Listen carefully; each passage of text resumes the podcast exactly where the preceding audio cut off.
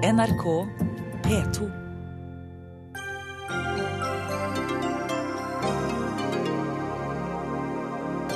Regjeringen vil fjerne NSB fra kartet og avvikle datterselskaper, ifølge Aftenposten. Men er det det du vil, spør vi samferdselsministeren. Kontroll- og konstitusjonskomiteen på Stortinget har ikke kontroll, publiserte konfidensielle personopplysninger om returnerte asylbarn på nettsidene. Ytringsfriheten har ikke gode kår i Norge, mener rektor, som fikk skriftlig advarsel fra rådmannen etter å ha skrevet innlegg i lokalavisa. Kvinnene dominerer til dels høyere utdanning. Likevel er det bare kvinnene som får kjønnspoeng. Urettferdig, mener KrFU. Og Hillary Clinton må forklare seg for Kongressen. I flere år har hun brukt en privat e-postkonto. Fullstendig ellevilt, sier historiker.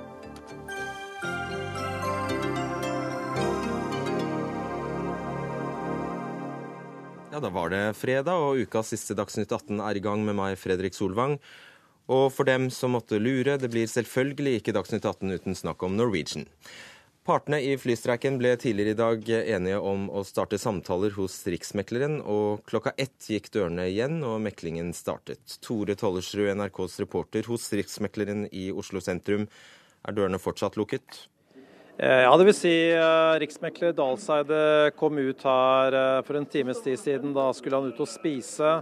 Han ville ikke si noe om hva som foregikk, men han konstaterte i hvert fall at ingen av partene har gått. Og vi har jo sett, vi pressefolk som står og venter ved Riksmeklerens kontor, at partene har sittet og snakket sammen. Og jeg antar jo at det som egentlig foregår her, er forhandlinger. Nå er det jo slik at denne streiken har vart i sju dager, og pengene renner ut av Norwegian-kassa. Det har vært voldsomt press på begge parter for å komme fram til en løsning nå. Hva sa partene før de gikk inn? De sa at nå vil de gjøre et skikkelig forsøk, og at de går inn i disse forhandlingene med et åpent sinn. Det falt jo veldig mange harde ord i går. Det var en veldig dramatisk dag. Det skjedde mye.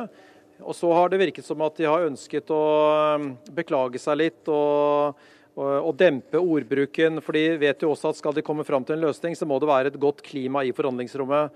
Min, mitt tips er at disse forhandlingene nå kommer til å fortsette, at de gjør et veldig skikkelig forsøk utover kvelden og natta. Eh, for å prøve å få flyene på vingene igjen, kanskje da i løpet av eh, søndag ettermiddag, mandag morgen. Men eh, som sagt, vi har ikke fått noen meldinger eller noen lekkasjer fra forhandlingene. Nils Dahlseide, riksmekleren, har lovet at han kommer komme ut og si noe til pressen klokken 19. Ja, og så er det slik at De svenske pilotene fikk frist til klokka 16 i ettermiddag med å godta at de ble overført til det nye selskapet Pilot Services Sweden AB. Handler dette om regler og varslingsfrister for virksomhetsoverdragelse, eller er det et ultimatum som tilspisser situasjonen? Jeg tror nok at dette har blitt oppfattet som ultimatum. Nå tror jeg selskapet har vært ute og forsøkt å avdramatisere den situasjonen. Og jeg føler ikke at det er et veldig sentralt tema på de forhandlingene som foregår her nede hos Riksmekleren nå. Det kan bli en lang kveld for deg, Tore. Takk skal du ha. Nå har altså pilotene i Norwegian streiket i snart en uke. 650 flygere er omfattet, og rundt 35 000 passasjerer rammes hver dag. Vi vet ikke hvor mye lenger dette vil vare, men Pål Rasmus Silseth, du er omdømmeekspert fra Institutt for markedsføring på BI. Hvor skadelig vil du si at denne konflikten har vært for Norwegians omdømme? Ja, For omdømmet til Norwegian så har det helt klart vært veldig skadelig. Og det kommer til å henge ved ganske lenge. Men så er det sånn at omdømme er en ting, og hva folk faktisk gjør etterpå er noe helt annet. Så hvis de nå blir ferdig relativt raskt med streiken og kommer over i en mer normal fase, så kommer nok kundene til å komme tilbake igjen ganske kjapt. Kan dette selskapet gå over ende? Ja, det kan det nok. Men der har de nok flere scenarioer i forhold til hva slags mulige løsninger de har. Jeg tror, de har tenkt, jeg tror nok de har tenkt tanken litt framover, sånn at de har noen backup-planer. Det er jo ikke første gangen Norwegian er ute i hardt vær. Dreamlinerne sto på bakken, og det var strid rundt kabinansatte fra Thailand. Hvor mye verre har denne siste uka vært enn det som har skjedd tidligere? Og mye verre, for nå rammer det tross alt ja, det er så langt over 100 000 passasjerer. Mens Dreamlineren så er det et fåtall tusen passasjerer som har blitt ramma, så er det klart det her har et mye større omfang. Så eh, ja, den, den slår nok hardere inn nå enn enn de tidligere eh, situasjonene. Så har vi en tendens til å ha svært kort uh, hukommelse. Minn oss om hvor, uh, hvordan denne situasjonen har vært for andre flyselskaper tidligere. Ja, det er nok sånn at uh, hvis de blir ferdig med streiken her, og, og, og de kommer tilbake til normaldrift og, og kan du si, gnisninger mellom partene blir borte, så glemmer vi nok fort, og i løpet av en par-tre uker så kjøper vi nok Norwegian-billetter som vi har gjort før. Men eh, skulle det her nå ikke bli en varig løsning, og det kommer flere konflikter, så har jo historien vist at da, da, får det konsekvenser også på om vi kommer til å kjøpe billetter der framover. Og SAS er jo et veldig godt eksempel på at det gikk skikkelig gærent. Hvor lang tid tok det? De brukte en fem-seks år til å komme tilbake igjen til det nivået de var. Eh, før kundene sa nok er nok, og så forsvant de. Men så kan man vel si at i et duopol, altså et marked med bare to aktører, så har vi ikke så mye valg? Nei, og det er jo litt synd. Eh, hadde det vært eh, ti operatører her i Norge, så, så hadde nok de flyselskapene her som har konflikter med følge for passasjerene, vært borte for lenge siden. I et litt større bilde, er Norwegian nå i ferd med å bli det norske eventyret som ble til et mareritt? Det kan fort bli det. Mye avhenger av hvilken løsning de nå faller ned på. Eh, de er nødt til å få slutt på streiken, eh, og så må de komme til bak, til, tilbake til den gamle kan du si, godstoryen som, som Norwegian var, da, hvor, hvor, de ansatte og ledelsen gikk hånd i hånd og, og, skapte noe som var bra. De må komme tilbake dit. Men Er det mulig all den tid selskapet nå blir beskyldt for streikebryteri og det som verre er? Ja, jeg registrerer at det er en veldig høy temperatur. Eh, så de må nok komme til en løsning som gjør at begge parter er happy og forsoner seg med det. Eh, men akkurat nå ser det ganske vanskelig ut, altså. Det gjør det. Tusen takk skal du ha, Pål Rasmus Silseth.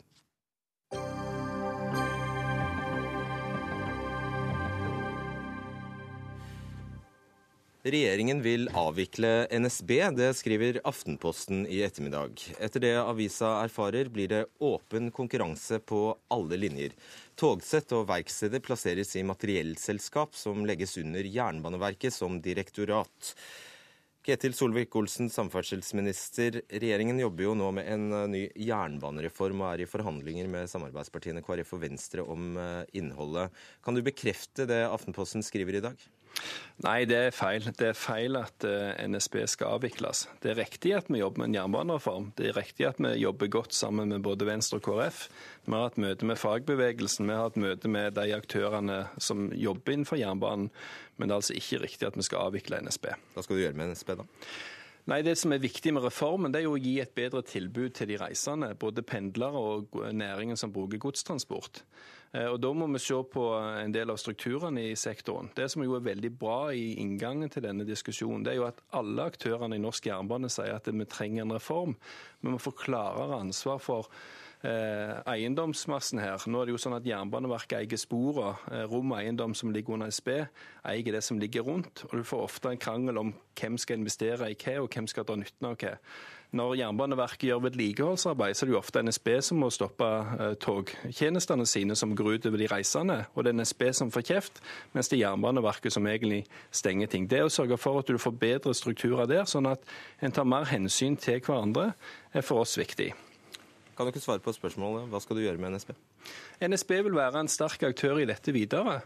Eh, det er helt naturlig at når de har mye kunnskap og kompetanse om eh, norsk eh, jernbane og persontransport og godstransport, så vil de være en aktør som er med videre. Men samtidig så ser vi jo at Flytog er en god aktør, som òg burde få lov til å være med å konkurrere om å tilby tjenester, sånn at vi gir best mulig tilbud til de som reiser. Eh, det er jo det som er viktig. Jernbanen er jo til for de som bor i dette landet, for godsnæringen, for pendlerne. Og det å sørge for at alle føler at de blir sett litt i kortene med at du har en konkurrent som òg får være med, eh, og som viser hva de kan. Det tror vi er med å styrke dette. Men... Ut, ja, ut fra det du sier nå, er det riktig å tolke deg dit hen at du skal rendyrke NSB som et driftsselskap og konkurranseutsette eh, jernbanen i Norge? Det som er litt spesielt med Aftenposten-artikkelen, er at de erfarer mange ting som jeg som statsråd vet at vi har ikke konkludert verken det ene eller det andre på. Så det er jo litt rart når, når hovedkilden her er ikke kjent med det som andre kilder angivelig sier til, til, Aftenposten. Det som er viktig, er at vi har en reform. De stolpene vi har slått fast, er at jernbanen er et offentlig ansvar. Staten har ansvar for infrastrukturen. Vi må investere mer for å bygge ny jernbane. Vi må investere mer for å vedlikeholde jernbanen. Det har vi allerede satt i gang med. Budsjettet til Jernbaneverket økt 50% siden regjeringsskiftet. 2015 er første året der vedlikeholdsetterslepet ikke øker, men faktisk blir redusert. Vi har kjøpt mer transporttjenester fra NSB i 2015 enn noen gang før. Vi kjøper inn flere tog enn det som var planlagt når vi overtok. Det vitner om at denne regjeringen vil satse på jernbanen, både for å få mer gods vekk fra veien på, på, på skinner, og fordi at jernbanen er en viktig del av transportløsningene i storbyene våre og i større tettsteder. Sverre Myrli, du er jernbanepolitisk statsmann for eh, Arbeiderpartiet. Er du beroliget over det vi kanskje hører er et dementi fra Solvik-Olsen om at NSB ikke skal legges ned? Nei, overhodet ikke. Og det er jo ikke så rart at NRK og Aftenposten og andre har opplysninger om dette. For det er jo informert både til de ansatte i Jernbaneverket og NSB, som jo er ganske ordrett det som nå presenteres i pressen. Så da må jo heller Solvik-Olsen si at det er feil det som nå NSB og Jernbaneverket informerer om internt. Det det jo virker som, er at at eh, regjeringa ønsker, og dette er altså en regjering som er truende til å selge Flytoget, som Ketil Solvik-Olsen nå sier sjøl er en suksess, men det kan altså virke som at den ønsker å strippe NSB for eiendomsvirksomheten, strippe NSB for buss... Bare for å klargjøre det, eh, NSB eier i dag Rom Eiendom som et datterselskap. Ja. Eh, NSB eier Nettbuss, som er altså et stort busselskap. NSB har, inn, har eiendeler i godstrafikk. Og slik det nå ser ut, så ønsker han altså å strippe NSB for alt det her, og så skal NSB være igjen som et eh, vanlig persontransportselskap, kall det gjerne det, som skal konkurrere med andre. Kan jeg inn med det? Og, vi, og hvis, vi, hvis, dette er riktig, jeg sier hvis, mm. hvis dette er riktig, så er det jo i og for seg riktig at Ketil Solvik-Olsen ikke trenger å legge ned NSB. Men hvis NSB da ikke vinner noen av de anbudene, så er jo NSB sjøl ferdig. Dette blir en surrealistisk debatt, for jeg har nettopp avvist eh, mye av det som eh, Myrli her plutselig drar fram, at dette kan kanskje være noe muligens som, som, skjer. Ja, Men han sier jo at du har selv informert eh, NSB ja. og Jernbaneverket om dette i dag. Ja, men det, jeg har jo ikke informert om det som han sier, det er jo det som er problemet. Så NSB skal fortsatt ja, men, drive bussvirksomhet? Ja, men hør her. Når, når, vi går ut og sier at det Aftenposten angivelig rapporterer, eller det de rapporterer at vi angivelig holder på, er feil Men blås i Aftenposten. Nei, Svar men, meg, da. Skal NSB selge bussvirksomheten sin? Skal vi, NSB... har ikke, vi har ikke tatt noen sånne beslutninger, så det er ikke mulig å si. Men det vi har tatt beslutninger om, det er at jernbanen skal være et statlig ansvar. Vi skal øke bevilgningene for å bygge mer enn det dere gjorde når dere styrte. Ja, vi skal vedlikeholde mer. Du, vær, vær, så snill, Ketil. Prøv å snakke framover. Se forover. Ikke, ikke bruk fredagskvelden på å være sur og grinete. Ja, se, fram, se framover. Vi snakker ikke nå om bygging av jernbane. Vi, vi, snakker nå ikke om bygging av jernbane. Der har du helt sikkert mye på gang. Nå snakker vi om driften av jernbanen. Skal NSB konkurrere på lik linje med andre utenlandske selskaper og hva det måtte være, eller skal NSB ha noen særstilling i åra som kommer? Vi skal satse på jernbanen. og jeg synes det er litt, Den kan ikke gå inn i denne debatten og være historieløs. Den jernbaneinfrastrukturen som vi skal jobbe med framover, er noe som er bygd opp gjennom de siste 100 år, som er dårlig vedlikeholdt vedlikeholdt. Derfor er det viktig at vi forstår hva feil som har blitt gjort, for at vi skal satse mer på jernbanen framover. Vi vet at f.eks. NSB Gjøvikbanen er en konkurranseutsatt banestrekning i dag.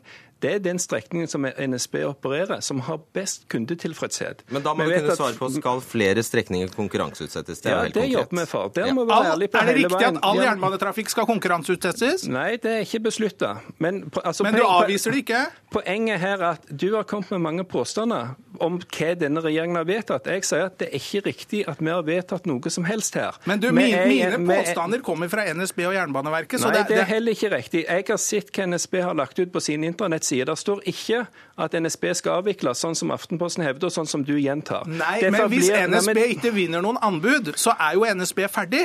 Du trenger ikke å legge ned NSB, men hvis utenlandske eller andre selskaper vinner alle anbud, så er jo i realiteten NSB ferdig.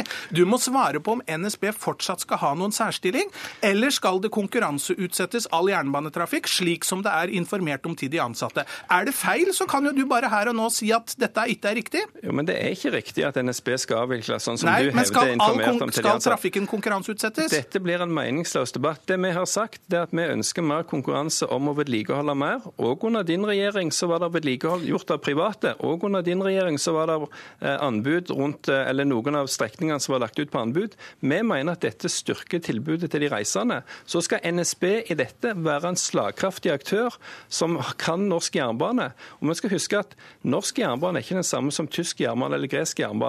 Hvert vognsett som går på norsk jernbane, er bygd for norsk jernbane. Det gjør jo at du har visse konkurransefortrinn allerede med å være i det norske markedet.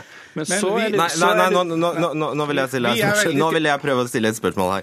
Jernbaneverket, Solvik-Olsen. Eh, Er det aktuelt der å gjøre det om til en ren bestillerfunksjon? Altså, eller et, et selskap som har ansvar for absolutt alt av jernbanedrift i Norge? Ja, det hadde vært vel. Hvis jeg får lov til å fortelle litt hvordan vi har tenkt her, istedenfor alt Arbeiderpartiet påstår at vi har tenkt, som de vet lite om. Vi ønsker en jernbane der du får eh, klarere styring fra staten. Vi skal ha statlig ansvar, statlig eierskap, vi skal ha økt vedlikehold og økt utbygging. Alt dette styrker infrastrukturen. Det er infrastrukturen som er vårt arvesølv. Det er infrastrukturen som har fått lov til å råtne under Arbeiderpartiet. Det er den vi skal satse på. Så vil vi at, og så Fordi at jernbanen er et i utgangspunktet lite fleksibelt transportsystem, så må du ha en aktør som sitter på toppen og tildeler konsesjoner, rutetid og alt dette sånn som vi kjenner i dag.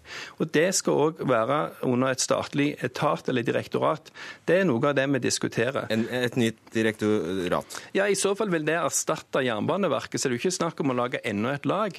Men noe av det som jeg nevnte innledningsvis, det er at i dag så er jernbanen for fragmentert. ved at Kommer du inn på en jernbanestasjon, så er det flere som eier ulike infrastrukturer. Og det er der vi sier at det vil være fornuftig om en aktør både eier sporet og områdene rundt, istedenfor at det i dag er eiet ulike steder. Men Ok, det, eh, det tror jeg kanskje vi kan se på eiendomsvirksomheten. Der tror jeg kanskje vi skal gjøre noe. Men Det, det skal jeg være enig i.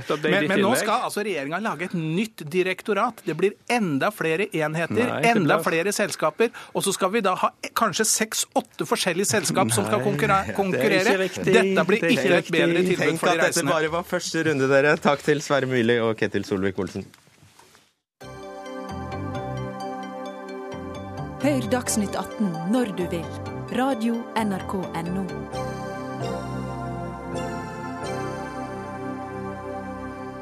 Og så til en sak du hører eh, om først her i Dagsnytt 18 denne fredagen. Kontroll- og konstitusjonskomiteen på Stortinget har lagt ut hemmelige og konfidensielle personopplysninger om afghanske asylsøkere på nettsidene sine.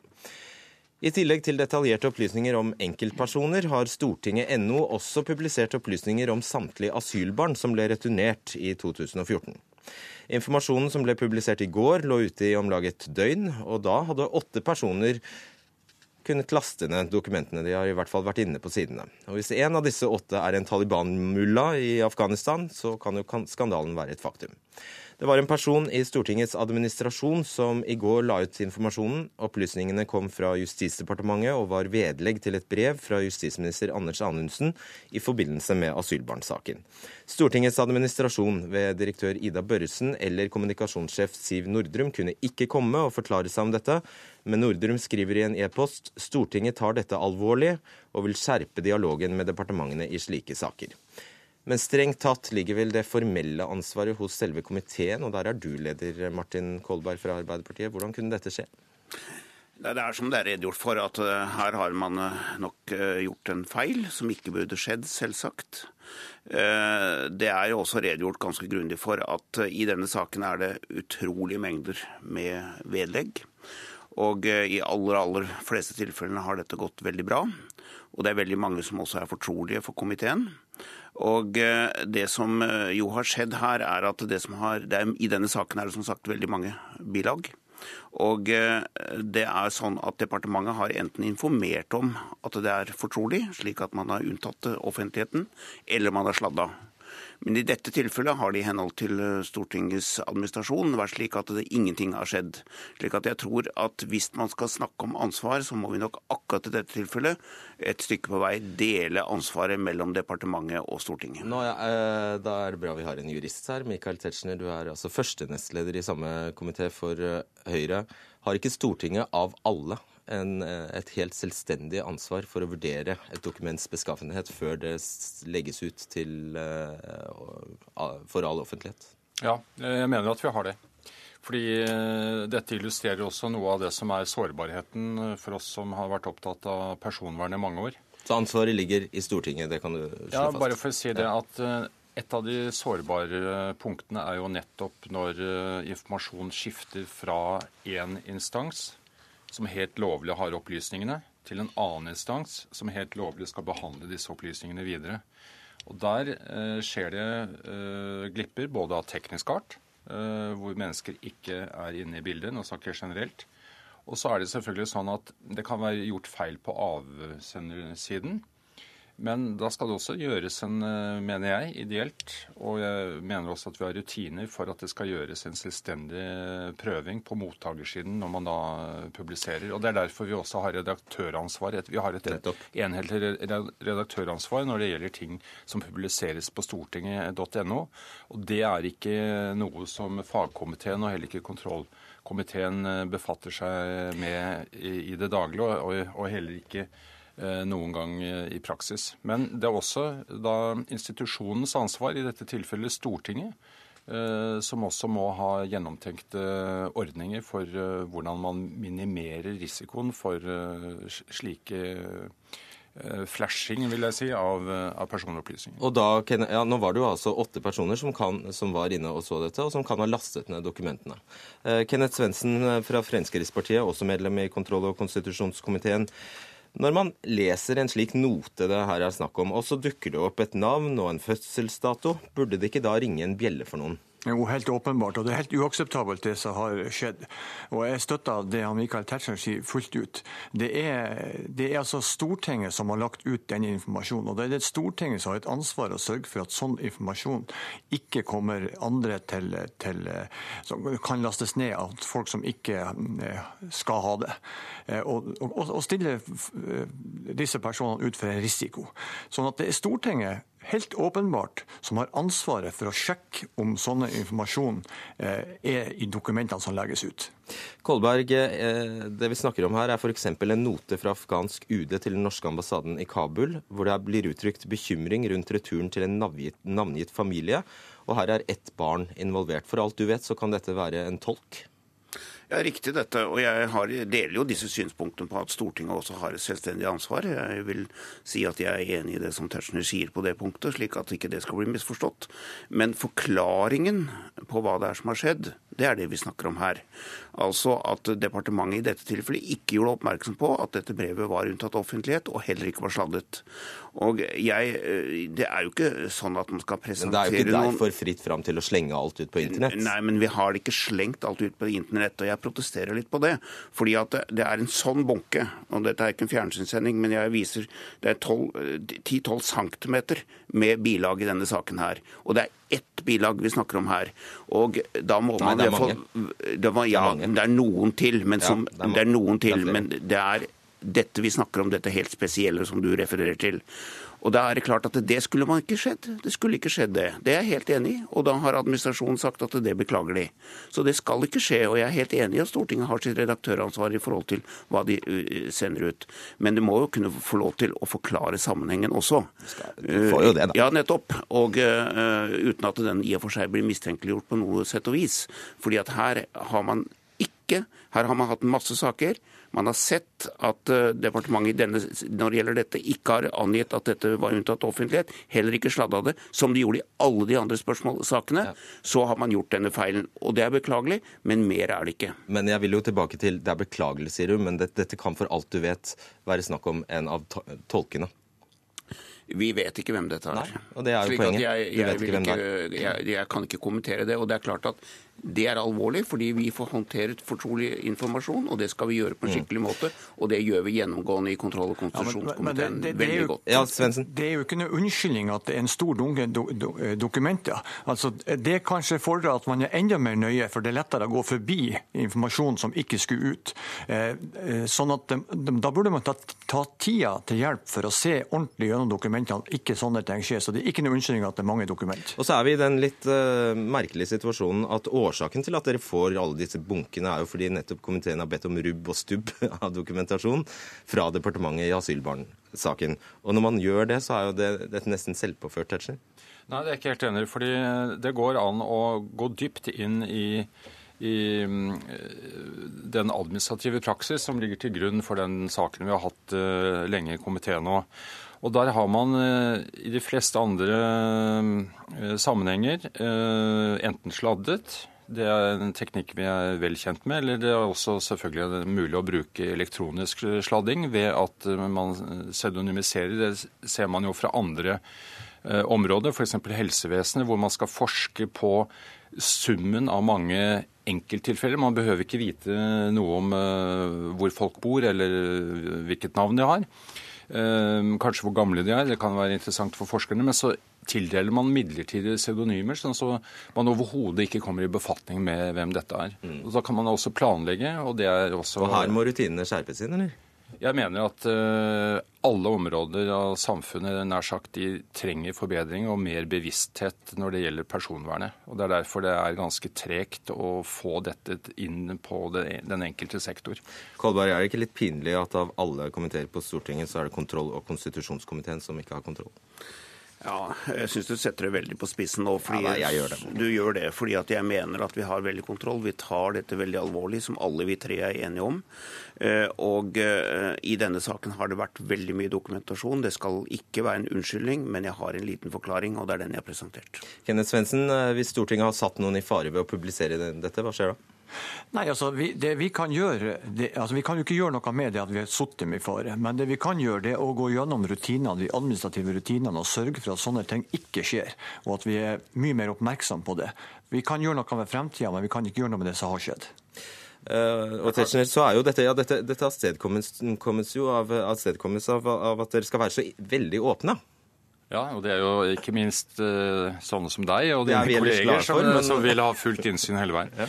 Men uh, jeg tror det viktigste poenget er at sånne episoder minner oss om at vi kan ha verdens beste regelverk, og vi kan ha verdens beste intensjoner. Da har virkelig intensjonene, slik jeg kjenner uh, vårt sekretariat, absolutt vært prima.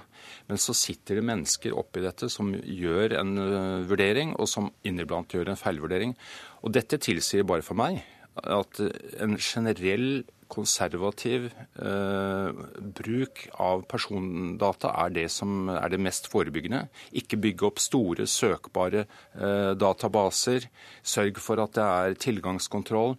Eh, og at det bare er de som f.eks. skal saksbehandle eh, ut fra at noen har rettigheter, som får tilgang på den enkelte klientmappen. Det er faktisk eh, også Det er ikke bare teknikk og rutiner, det er faktisk også tilbakeholdenhet i hva vi registrerer. Ja, og Dette slutter jeg meg helt til. og Derfor er det veldig strenge rutiner i Stortinget og i kontroll- og konstitusjonskomiteen. Fordi alt som er av fortrolighet, det ligger i egne safer. Og vi må gå på egne rom for å lese de spesielle bilagene.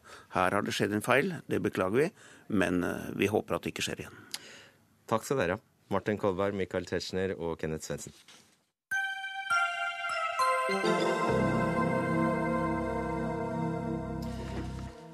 Flere studieretninger gir i dag ekstrapoeng til kvinner som søker på mannsdominerte studier, som f.eks. teknologi og ingeniørfag. Derimot tilbyr kun et fåtall av studiene med flertall av kvinner kjønnspoeng til mannlige søkere. Og Hilde Marie Bjørke, du er første nestleder i SU. Er det rettferdig? Nei, det er jo ikke rettferdig, og jeg mener at vi trenger jo begge kjønn i yrkeslivet. Og det er, eh, det er ikke så veldig greit å se når det er en massiv opphopning av ett kjønn på hele 23 linjer. Altså Vi har Europas mest kjønnsdelte arbeids, eh, arbeidsliv, så jeg mener at man må se på den kjønnspoengsordninga som er, og kanskje modernisere litt og breie ut den, men jeg mener at vi har den for en grunn. Og da er du for å innføre kjønnspoeng også for på flere fag, for eh, bl.a. på sykepleie f.eks. For, for mm. gutter. Mm. Det syns ikke du er noen god idé, Emil André Erstad, du er leder i KrFU. Jeg kan ta det prinsipielle først. da, At uh, det skal være ferdigheter, karakterer og interesse for faget som skal avgjøre om du kommer inn på et studie. Uh, og det mener vi bør gjelde i høyere utdanning. Ved å innføre at, at, det skal være kjønnet du har som, som, bidrar til om du kommer inn på studiet ditt eller ikke, eller ved å ha den ordningen, så svekker en dette prinsippet. Men så kan vi se på det praktiske. Altså Hva er det som er spørsmålet? Spørsmålet er hvordan skal vi få flere kvinner og, og jenter til å velge mannsdominerte yrke, og hvordan skal vi få flere gutter til å velge kvinnedominerte yrke. Og Det er jo ikke problemet med karakterer i dag. Det er ikke karakterene som gjør at kvinner ikke kommer inn på ingeniørstudiet eller andre mannsdominerte yrker. Og da mener vi det er feil svar på spørsmålet. Og Hva er ditt svar? Mitt svar er at, eh, at eh, skolene, høgskolene, universitetene og, og, utdanningsinstitusjonene må gjøre en større jobb i måten de profilerer studiene på. Hva de legger vekt på når de sier eh, 'kom og bli' Ok, Men du vil ikke avvikle dette helt? Jo, det vil vi. Du vil det? Ok. Prorektor ved NTNU, Berit eh, Kjelstad. Kan du forklare oss hvordan fungerer eh, ordningen med kjønnspoeng hos dere i dag? Ja, På NTNU så innførte vi jo kjønnspoeng på sivilingeniørstudiet i 1981. Og det betyr jo rett og slett at da får jenter to ekstra poeng når de søker til våre studier. Og dermed så får de jo da eh, et eh, fortrinn foran gutta med samme karaktergrunnlaget, hvis du sammenligner de to, da. Og hva har det ført til? Det har ført til at vi har fått vesentlig flere jenter på en del av de studiene hvor vi i dag har dårlig um, hvor vi har dårlig jenteandel. Så vi har jo sett helt siden i 1981 at det her har hatt en viktig effekt på å øke jenteandelen i sivilingeniørstudiene våre. Men så er jo det større bildet at uh, i høsten i fjor var jentene i flertall på 48 studieprogram. Når skal man si at nok er nok? Jo, men vi har jo ikke jentepoeng på alle studier. Hos oss er det 15 av 17 sivilingeniørstudium som har jentepoeng, og totalt så har vi jo 213 studieprogram på NTNU, så vi ser jo veldig nøye på Vi bruker det bare der det er høyst nødvendig. Og jeg har lyst til å si sånn innledningsvis at hele poenget med å gjøre det her, det er jo å få til en god balanse i arbeidslivet. Det er jo det som er hele motivasjonen. Vi ønsker å uteksaminere flere kvinnelige kandidater, og da må vi bare få flere kvinnelige kandidater inn på studiene. Og den ambisjonen deler du jo helt sikkert, Herstad. Selvfølgelig deler vi den ambisjonen, men vi mener det er andre virkemidler. Altså Når vi ser at det er jentene som har de beste karakterene, så er det, mener vi det er på en måte rart at eh, det er det som skal være hinder for at de begynner på ingeniørstudiet, f.eks. Det er ingen som blir en bedre ingeniør eller en bedre eh, dyrlege, altså bedre ingeniør av hver kvinne eller en bedre dyrlege av hver mann, sånn som det er i dag, der en òg gir kjønnspoeng på enkelt, eh, to studier for, for menn. Vi mener det er andre tiltak, at studiene sjøl må legge til rette og framstille seg på en måte som gjør at det er attraktivt både for Eh, kvinner og for menn. Og det kan hende i dag det finnes uformelle hinder, som f.eks. på sykepleierstudiet. Det er uformelle ordninger, uformelle strukturer som gjør at menn ikke søker seg dit. Ja, eh, Kjelstad, det er ikke bare latskap, da? Du, jeg har lyst til å si det at På NTNU så har vi jobba med jenterekruttering på mange andre måter i flere år. og Akkurat i dag så hadde jeg altså den fantastiske gleden av å motta NITO sin rekrutteringspris. Gratulerer. Akkurat for at vi har jobba så godt med jenter med mange tiltak. Og vi jobber jo med rekrutteringskampanjer. Vi inviterer alle som får tilbudt en studieplass på sivilingeniør til å komme på en jentedag og få informasjon. Og i tillegg så har vi jenter jentekamper, spesielt på IKT-fagene, er det en stor utfordring å få rekruttert jenter. og Vi bruker tre dager på å forklare dem hva studiet inneholder og alt mulig, og vi ser at det hjelper. Men i tillegg så ser vi at det er helt essensielt at vi har de her poengene. Og så har jeg bare lyst til å si at det er jo ikke sånn at det er dårlige kandidater som søker. Det er vanskelig å komme inn på alle de her studiene, sånn at vi snakker om flinke kandidater uansett. Og vi har sett at denne ordninga har ikke gått utover læringsmiljøet eller, eller, frafallet på studiene. Heller tvert imot. Det er veldig motiverte jenter som kommer inn med poeng. Hilde Marie, Marie Bjørke, jeg antar du er feminist. Altså, hvor mye Gjør du noe om jentene kommer i flertall på noen studieretning? Altså, om det gjør noen ting det, det viser jo, Kjønnspoengsordninga viser jo at det har fungert. altså Man har fått, eh, fått veldig mange jenter inn på, på, høyere studier, og det er bra. Og så vil jeg bare si det at Karakterer teller jo fortsatt mest fordi man har den ordninga man har, men jeg syns at NTNU peker på en viktig ting, og det er det at den ordninga her har faktisk fungert. Og det handler jo om hvilket yrkesliv vi ønsker oss, og vi ønsker oss et likestilt yrkesliv. Og så har jeg bare lyst til å ta ett eksempel, og det er fra at jeg studerer spesialpedagogikk, eh, og i klassa mi så er det nesten kun jenter. Altså På pedagogiske fag så er det over 80% jenter. Og de fleste som sliter i norske skolen i dag, de er gutter. Da trenger vi også spesialpedagoger som er menn. Og da må vi også se på om vi kan, om vi kan innføre den ordninga på flere fag, for, sånn at gutter også kan slippe lettere til. Og det gjør de hvis de får to poeng? Ja, vi mener det. For når de guttene som søker og ikke kommer inn, når de først kommer inn med den poengsordninga, så vil det dra flere med seg, akkurat som det har gjort med De skal jo ha lyst først, da.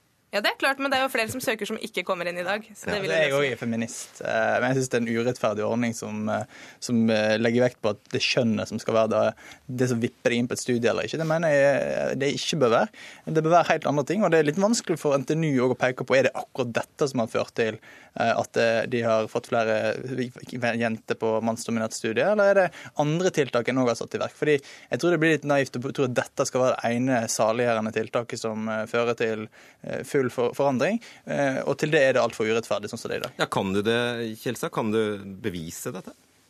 Altså, vi, vi, ser jo det at hvis vi ikke tar inn jentepoeng inn og, og, på en måte simulerer et opptak, så får vi jo færre jenter på studiene. Vi kan ikke si det eksakt, for da må vi nesten gjøre et eh, opptak eh, eh, uten poeng, og det svaret har vi ikke. Men vi har regna på det og prøvd å, å, å, se hvordan det fungerer, og, og, da, og, da, påvirker det jo jenteandelen. Men, Men du, din egen rektor Gunnar Bovim han foreslår jo å avvikle kjønnspoeng på fire av studiene som tilbyr det i dag, og det må jo være en erkjennelse?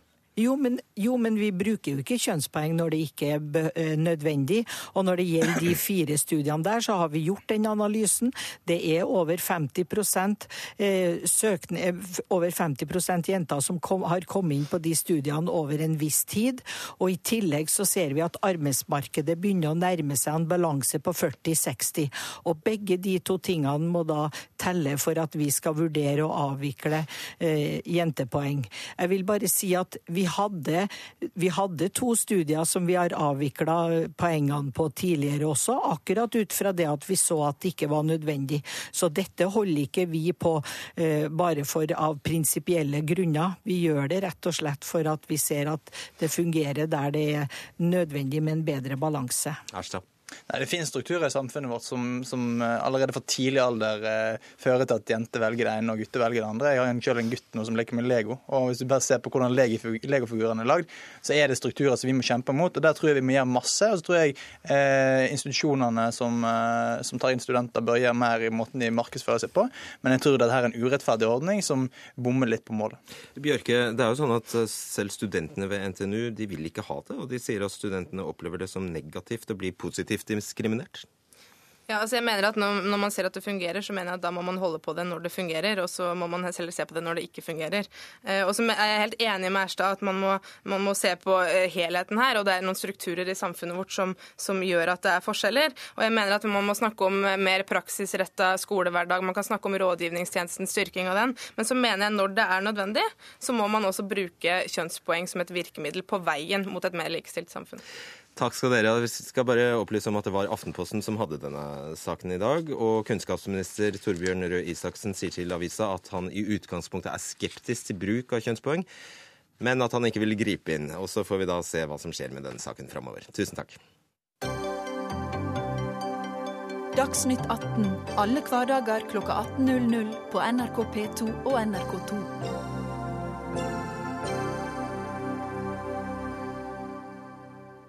Er det egentlig med ytringsfriheten blant ansatte i kommunal og offentlig sektor? I dag kan vi lese i Dagens Næringsliv at Yngre legers forening reagerer på at arbeidsgiverforeningen Spekter i et utkast til ansettelseskontrakt pålegger yngre sykehusleger taushetsplikt om kritikkverdige forhold på arbeidsplassen. Og i går kunne vi lese i Aftenposten at en rektor fikk skriftlig advarsel fra ordføreren etter å ha skrevet et leserinnlegg i lokalavisa. Anine Kjerv, du er forsker ved Senter for menneskerettigheter og jobber mye med ytringsfrihetsspørsmål. Hvordan står det til med ytringsfriheten ute i kommunene? Jeg tror det står eh, veldig dårlig til med den, dessverre. Eh, det virker å være en en helt svært utbredt mangel på forståelse for hvorfor vi beskytter ytringsfriheten. Ytringsfriheten er ikke noe vi beskytter av hensyn til at den enkelte skal få si hva vedkommende vil til enhver tid, som en sånn egoistisk størrelse. Det er for så vidt en del av ytringsfrihetsbegrunnelsen, men den primære rettslige begrunnelsen for å beskytte ytringsfrihet, og den vi alle er opptatt av, det er jo samfunnets ve og vel. Hvordan kan vi få en fungerende offentlig samtale? Hvordan kan vi få vite hvor skoen trykker? Hvordan kan vi få vite om systemfeil? Hvordan kan vi få vite om gale prioriteringer? Vi får ikke vite det når de beste fagfolkene blant oss eh, trues til taushet eller skremmes til taushet ved å få gjort helt uklart for seg hvor deres ytringsfrihetsgrenser går. Dere representerer vel noen av de beste blant oss. Marit Hallonen Christiansen, du er leder i Yngre legers eh, forening. Mange av dine medlemmer føler seg altså kneblet på arbeidsplassene sine. På hvilken måte? Um, det er jo sånn at Vi som er leger i spesialisering, altså vi som ikke er ferdige overleger, vi har uh, i uh, ja, nesten alltid vært uh, midlertidig ansatt. Og folk er selvfølgelig redde for å si ifra, fordi at de er redde for å ikke, ikke få fortsette jobben sin. Lojaliteten vår ligger primært hos pasienten, og så har man en ulovfesta sånn lojalitetsplikt til arbeidsgiver. Men det er klart det at hvis du har jeg har sjøl hørt masse eksempler på folk som ikke tør å si ifra, fordi at eh, da er det meget tydelig at da vil du ikke få fortsette jobben din. Man ser det at da får man... Si fram hva? Eh, si ifra om uheldige forhold på eh, arbeidsplassen. Si det at det er for høy arbeidsbelastning, sånn at pasientene ikke får eh, raskt nok tilsyn f.eks. Så er man redd for å bli oppfatta enten for at man er brysom, eller at man kanskje ikke er tøff nok til å klare seg når ingen andre har sagt ifra før. Hmm. Rektor ved Hegra barneskole, Oddvar Nergård, du fikk skriftlig advarsel fra rådmannen i Stjørdal etter at du hadde skrevet leserinnlegg i lokalavisa. Hva skrev du, og hva skjedde? Jeg skrev om eh, prioriteringene i eh, kommunen. En kommune som hadde en eh, veldig anstrengt økonomi, valgt å vedta å bygge et kulturhus til 700 millioner, som for øvrig er det dyreste kulturhuset i Norge sett per innbygger. Men veldig fint, sikkert? Ja, det blir lekkert når det blir, når det blir ferdig. Men regninga er det jo stort sett syke, gamle barn og unge som er nødt til å betale. Og da skjedde hva? Eh, når jeg skrev den kronikken i eh, lokalavisa, så gikk det noen dager der det var dryppende stilt, og så fikk jeg beskjed om å møte på min leders kontor, og der ble jeg presentert for en skriftlig advarsel. Ja, og Hvordan reagerte du på det? Ja, Først med vantro. Og så eh, ble jeg jo veldig provosert over at det faktisk skulle, at det skulle bli behandla på den måten. Jeg trua med muligheter for å miste jobb osv. bare fordi at du sier fra om at her er det noen prioriteringer som faktisk eh, det er grunn til å se på. Ja, Da skal vi bare si at eh, ordfører Ivar Vigdenes i Stjørdal kommune ønsker ikke å delta i Dagsnytt 18 i dag. Han sa til Aftenposten i går at velger du å delta i den offentlige diskusjonen, så må du også være forberedt på å få tilsvar. Ytringsfriheten går begge veier. Hvordan tolker du det, Nergård? Ja, Det syns jeg er et uh, helt greit utgangspunkt. Det er bare det at, uh, at ordføreren har aldri valgt å bruke ytringsfriheten sin. Mm. Så han har aldri svart deg? Nei, han har aldri svart meg. og etterlyst svar på diverse spørsmål fra ordfører uten at det har kommet. Sivilombudsmann Åge Thor Falkanger, hvor typisk er disse to eksemplene her? Eh, nei, de er ganske typiske etter vår erfaring. Eh, vi mottar eh, jevnlig ca. ti klager av tilsvarende art årlig. Og vi har også behandlet, kommet med en del uttalelser som da går i favør av klagerne. Det er jo slik at den ytringsfriheten, altså Offentlig ansatte har ytringsfrihet på lik linje med alle andre. Det er riktignok noen unntak, det følger bl.a. av lojalitetsplikten, men det skal særdeles mye til før eh, den strekker seg så langt at arbeidsgiveren kan eh, komme med reaksjoner. Vi har uttalt at eh, bare der uttalelsene åpenbart er til skade, eller kan skade arbeidsgivers legitime og berettigede interesser, der omtrent går, der går grensen. Og da Anine Kierulf, da kan du nesten si hva som helst. Ja, det kan du, for det skal mye til at du skader legitime og berettigede interesser. Kritikk Og den måten å skade en arbeidsgiver på er aldri en skade av en berettiget og legitim interesse. Ingen har en legitim interesse av å skjule kritikk mot kritikkverdige forhold. Jeg syns jo det er betegnende hvordan både denne ordføreren svarer, og ikke minst disse fra Spekter, dersom de er riktig gjengitt i Dagens Næringsliv i dag, hvordan de svarer de yngre legene. Eh, det vitner jo om at man har en, en helt mangelfull forståelse for hva som er utgangspunktet her. Vi har en grunnlovsfestet rett til ytringsfrihet. Vi har en mulig lovfestet eller ulovfestet på samme rang for så vidt da, eh, hjemmel for å eh, kreve lojalitet inntil et visst nivå. Men det er ikke noe tvil om hva som er utgangspunktet her. Og, dette virker helt snudd på hodet i så mange sammenhenger. En undersøkelse som Norsk redaktørforening har gjort, eh, og også Fritt Ord har jo også gjort i samarbeid med Jon Wesselås, en undersøkelse både av kommunal sektor, av sykepleiere, av politiet og av utdanningssektoren. Det er jo mellom 50 og 70% som svarer at de tror at de mener at lojalitetsplikten er mye sterkere enn ytringsfriheten, og bare 10 mener at ytringsfriheten står sterkest. Her er utgangspunktet snudd helt på hodet. Og da, mens vi sitter her nå, så har faktisk ordfører Vignenes ringt inn og sagt at det stemmer ikke at uh, Nergård har fått en skriftlig advarsel, i hvert fall fra ham. Uh, Nergård, hva har du å si til dem? Nei, Det stemmer jo. Han har ikke gitt det, men hans forgjenger ga det. Og Den saken her, den var vel i 2012, og nå er den jo kommet opp igjen som en eksempelsak i forbindelse med den store undersøkelsen som eh, Aftenposten gjorde blant rektorene. Det er jo det som er bakgrunnen for det her. Men i hele den perioden etter at den skriftlige advarselen ble trukket tilbake, så har jeg valgt å bruke ytringsfriheten min og ta opp eh, kritikkverdige forhold i forhold til ressurssituasjonen i skolen.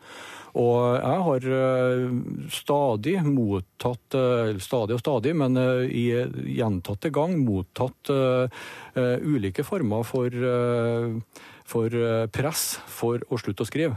Og det, og det, det foregår jo Hva slags press? Ja, det har blitt innkalt til etatssjefen med, med et visst kontrollbehov har vært der.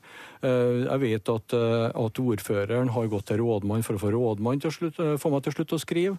Nei, huff, nå ringer han igjen. ja, det må han gjerne gjøre.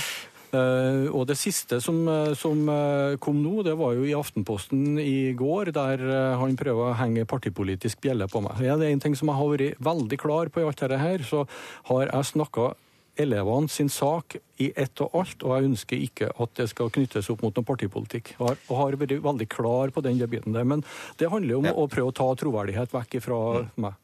Ok, Vignes, hvis du hører på nå og ringer igjen, så kommer du på lufta. Eh, Marit Hallonen Kristiansen, du reagerer på at Spekter i et utkast til ansettelseskontrakt pålegger yngre sykehusleger taushetsplikt om kritikkverdige forhold. Hvordan ser en slik setning ut? Hvordan ser en Den teksten som har vært sitert for meg altså Problemet er jo at jeg den, fikk denne teksten sitert fra mine tillitsvalgte ute i sykehusene allerede i januar. Og Da sier man at arbeidstaker skal bevare taushet om alle opplysninger vedkommende som medarbeider blir kjent med, og som kan være til skade for helseforetaket. Så er det sånn at Mine tillitsvalgte ute har hele veien sagt at dette her er fullstendig uakseptabelt, og dette her er en knebling. Så Når jeg da for to uker siden får se den samme samme teksten, så er det jo sånn at ordet knebling og ordet uakseptabelt det har akkurat samme mening om det er meg som leder av Yngre legers forening, eller om det er en av mine tillitsvalgte ute som mener det. Mm. Kort til dere to. Er det lov? Unnskyld. Er det lov å, å, formulere seg slik fra Spekters side? Uh, nei, jeg vil, jeg vil, ikke uttale meg akkurat denne Spekter-saken. Men, men, generelt sett så har man jo ikke lov til å pålegge uh, arbeidstakerne uh, begrensninger i ytringsplikten som da, utover det som da denne lojalitetsplikten tilsier, som er en meget snever, har et snevert anvendelsesområde. Og Mye av problemet i det offentlige generelt er jo at man har enten da avtaler eller instrukser som setter for snevre grenser for de, de ansattes ytringsfrihet. Kjærf. Ja, jeg er helt enig i det. Og det er, eh, det er, en utfordring at disse, eh, man utarbeider en rekke retningslinjer som er så ordrike og så tåkete og så dårlig formulert at de gjør det veldig uklart hvor grensene går. Og det er i seg selv et inngrep i ytringsfriheten. Og det blir ekstra problematisk selvfølgelig i denne situasjonen til de yngre legene, men også i andre sammenhenger hvor man har midlertidige stillinger eller eh, kan bli møtt med uformelle sanksjoner. For det er jo særlig de uformelle sanksjonene som er vanskelig her. fordi formelle sanksjonene de kan man klage på. Altså à la press, som vi hører om her? À la press, à la dulgte trusler, à la muligheter for opprykk som ikke blir med, à la innkallinger til møter der de viktige avgjørelsene fattes osv. Det er denne type uformelle sanksjoner som er ekstremt vanskelig å komme til livs, og som fordrer en, en total holdningsendring. Så glad som man er i å gå på kurs i det offentlige, så burde man kutte ut en del av de helt unødvendige kursene, etter min oppfatning, og kurse folk i helt grunnleggende ytringsfrihetsforståelse. Og Vi har selvfølgelig spurt Spekter om de ønsket å delta i dag, og det gjorde de ikke. Men vi fikk en begrunnelse som er såpass lang at jeg ikke kan lese hele. Men eh, kjernen i det er at de mener det ikke blir riktig å diskutere dette, fordi de eh, er i ferd med å utarbeide, utarbeide denne Eh, disse avtalene om hvordan dette skal se ut, og det holder de på med sammen med Legeforeningen. Kristiansen, høres det greit ut? Eh, jeg må jo si at uh, ingenting er bedre om man faktisk kan få fjerna den formuleringen som uh, har vært sitert her. Men det er jo helt riktig som Kjerulf sier, at det er disse her dulgte beskyldningene som mine medlemmer opplever hele tida. I går så var det presentert en, en, undersøkelse fra Likestillingsombudet om diskriminering av gravide. Vi kjørte det samme saken for yngre leger, gravide yngre leger som ble diskriminert i fjor høst. Ikke en eneste av de som har vært diskriminert. Vi har vunnet saker for de Likestillingsombudet. Ikke en eneste tør å stå fram, for de vet at det får konsekvenser for framtidige ansettelsesforhold.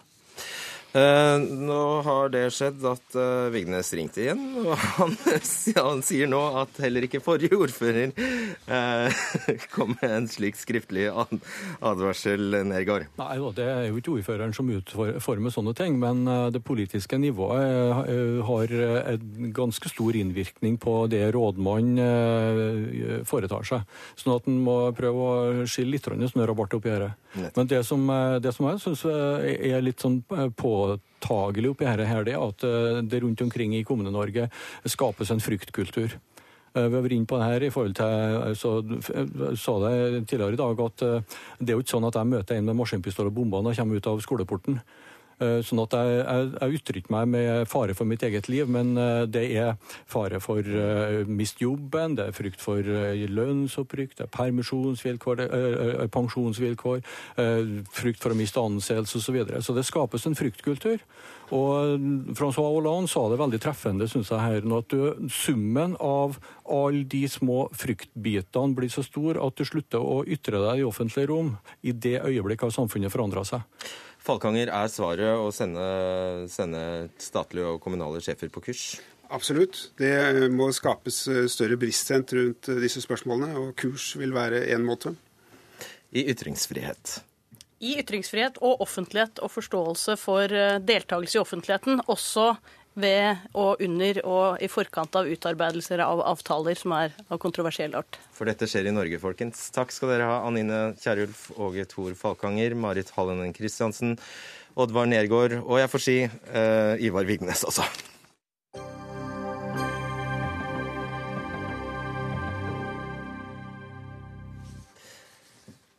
Hemmelig informasjon kan ha kommet ut i forbindelse med at Hillary Clinton kun har benyttet seg av privatmailen sin i løpet av sin fireårige periode som utenriksminister. Nå er Clinton stemnet av et utvalg i den amerikanske kongressen, melder New York Times. Så over 55 000 sider med Clintons mailkorrespondanse er nå overlevert til Kongressen for videre etterforskning. Halvor Notaker, du er historiker med USA som spesialfelt, og så er du forfatter. Eh, hvordan begynte denne saken? Det har eh, pågått lenge en eh, jakt blant republikanerne i Kongressen på dokumenter som kan vise et eller annet kritikkverdig om hva Clinton gjorde eller ikke gjorde i Benghazi, eller i Benghazi, men i forhold til det som skjedde i Benghazi, i Libya, hvor konsulatet ble angrepet.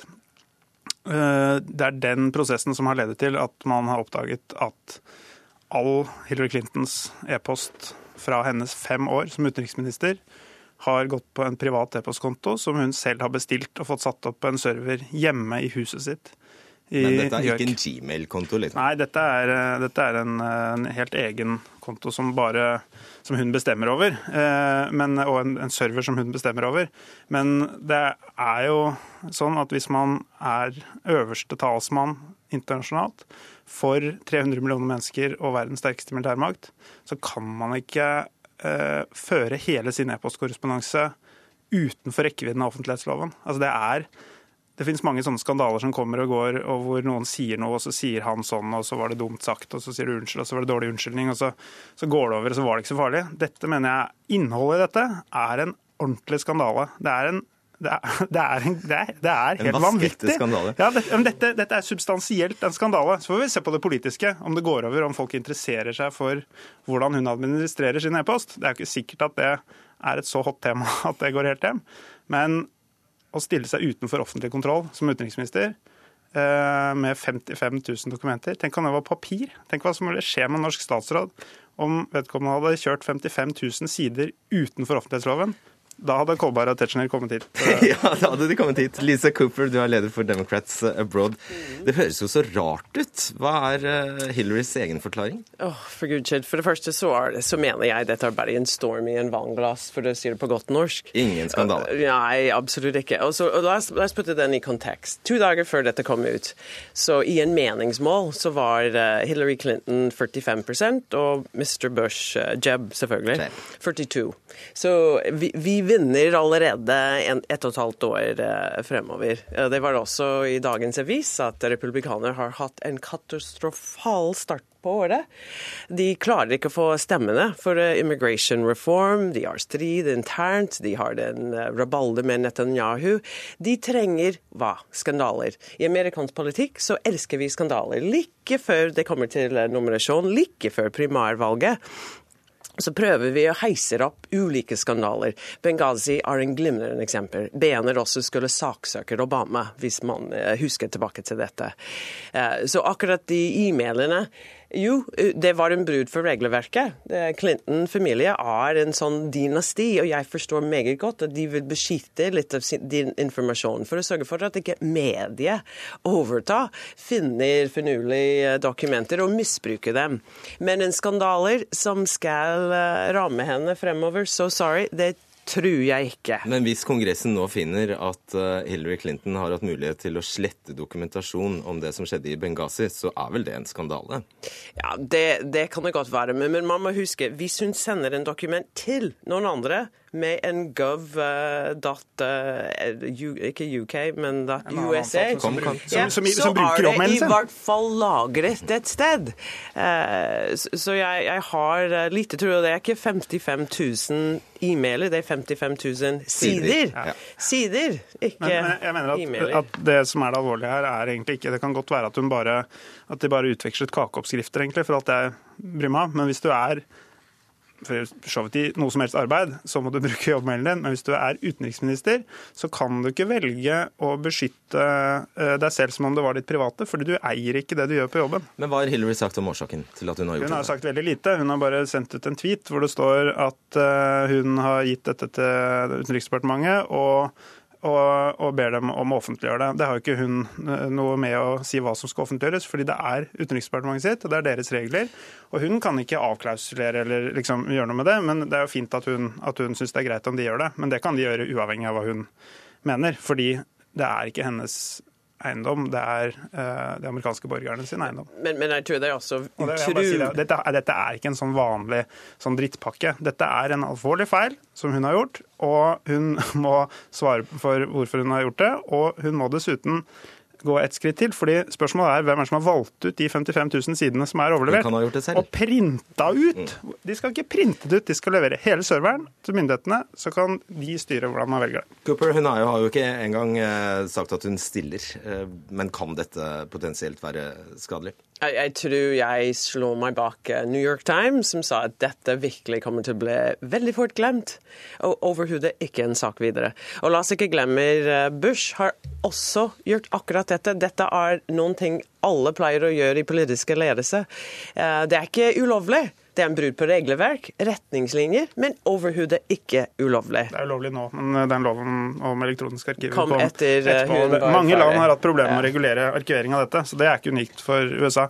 Det er ikke helt riktig at alle andre har gjort det. Mange andre har også brukt e-postkontoer som har vært private, men å føre hele utenrikspolitikken på privat e-postkonto, det tror jeg faktisk ikke noen har gjort. Men, eh, men hør nå, der tror ikke alt føres på e-mail. Jeg er nesten helt Nei, nei, sikker. det, det er utrolig Hun har sikkert håpet det. Hun har sikkert sendt masse SMS, Emily òg, og, og jeg vet vet ikke hva som har skjedd med papirbrevene. Men Jeg poenget vil, er jeg at vil dette tro i det byråkratiske miljøet i USA så utrolig mye går fortsatt på papir, går fortsatt på brev. Det er offisielle dokumenter vi Ja, ja. snakker om. Jeg tror ikke det er utrolig mye som foregår på e-mail. selv om du sier dette er en en storm i et vannglass, er det dette USA snakker om?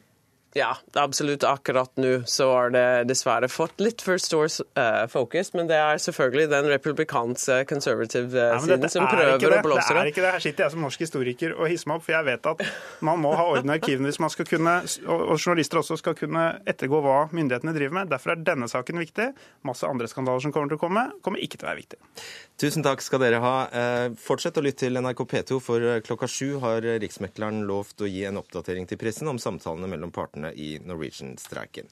Og Da gjenstår det bare å si at ansvarlig for denne siste Dagsnytt 18-sendingen denne uka var Ida Tune Ørisland, teknisk ansvarlig Lisbeth Seldreite, og jeg heter Fredrik Solvang.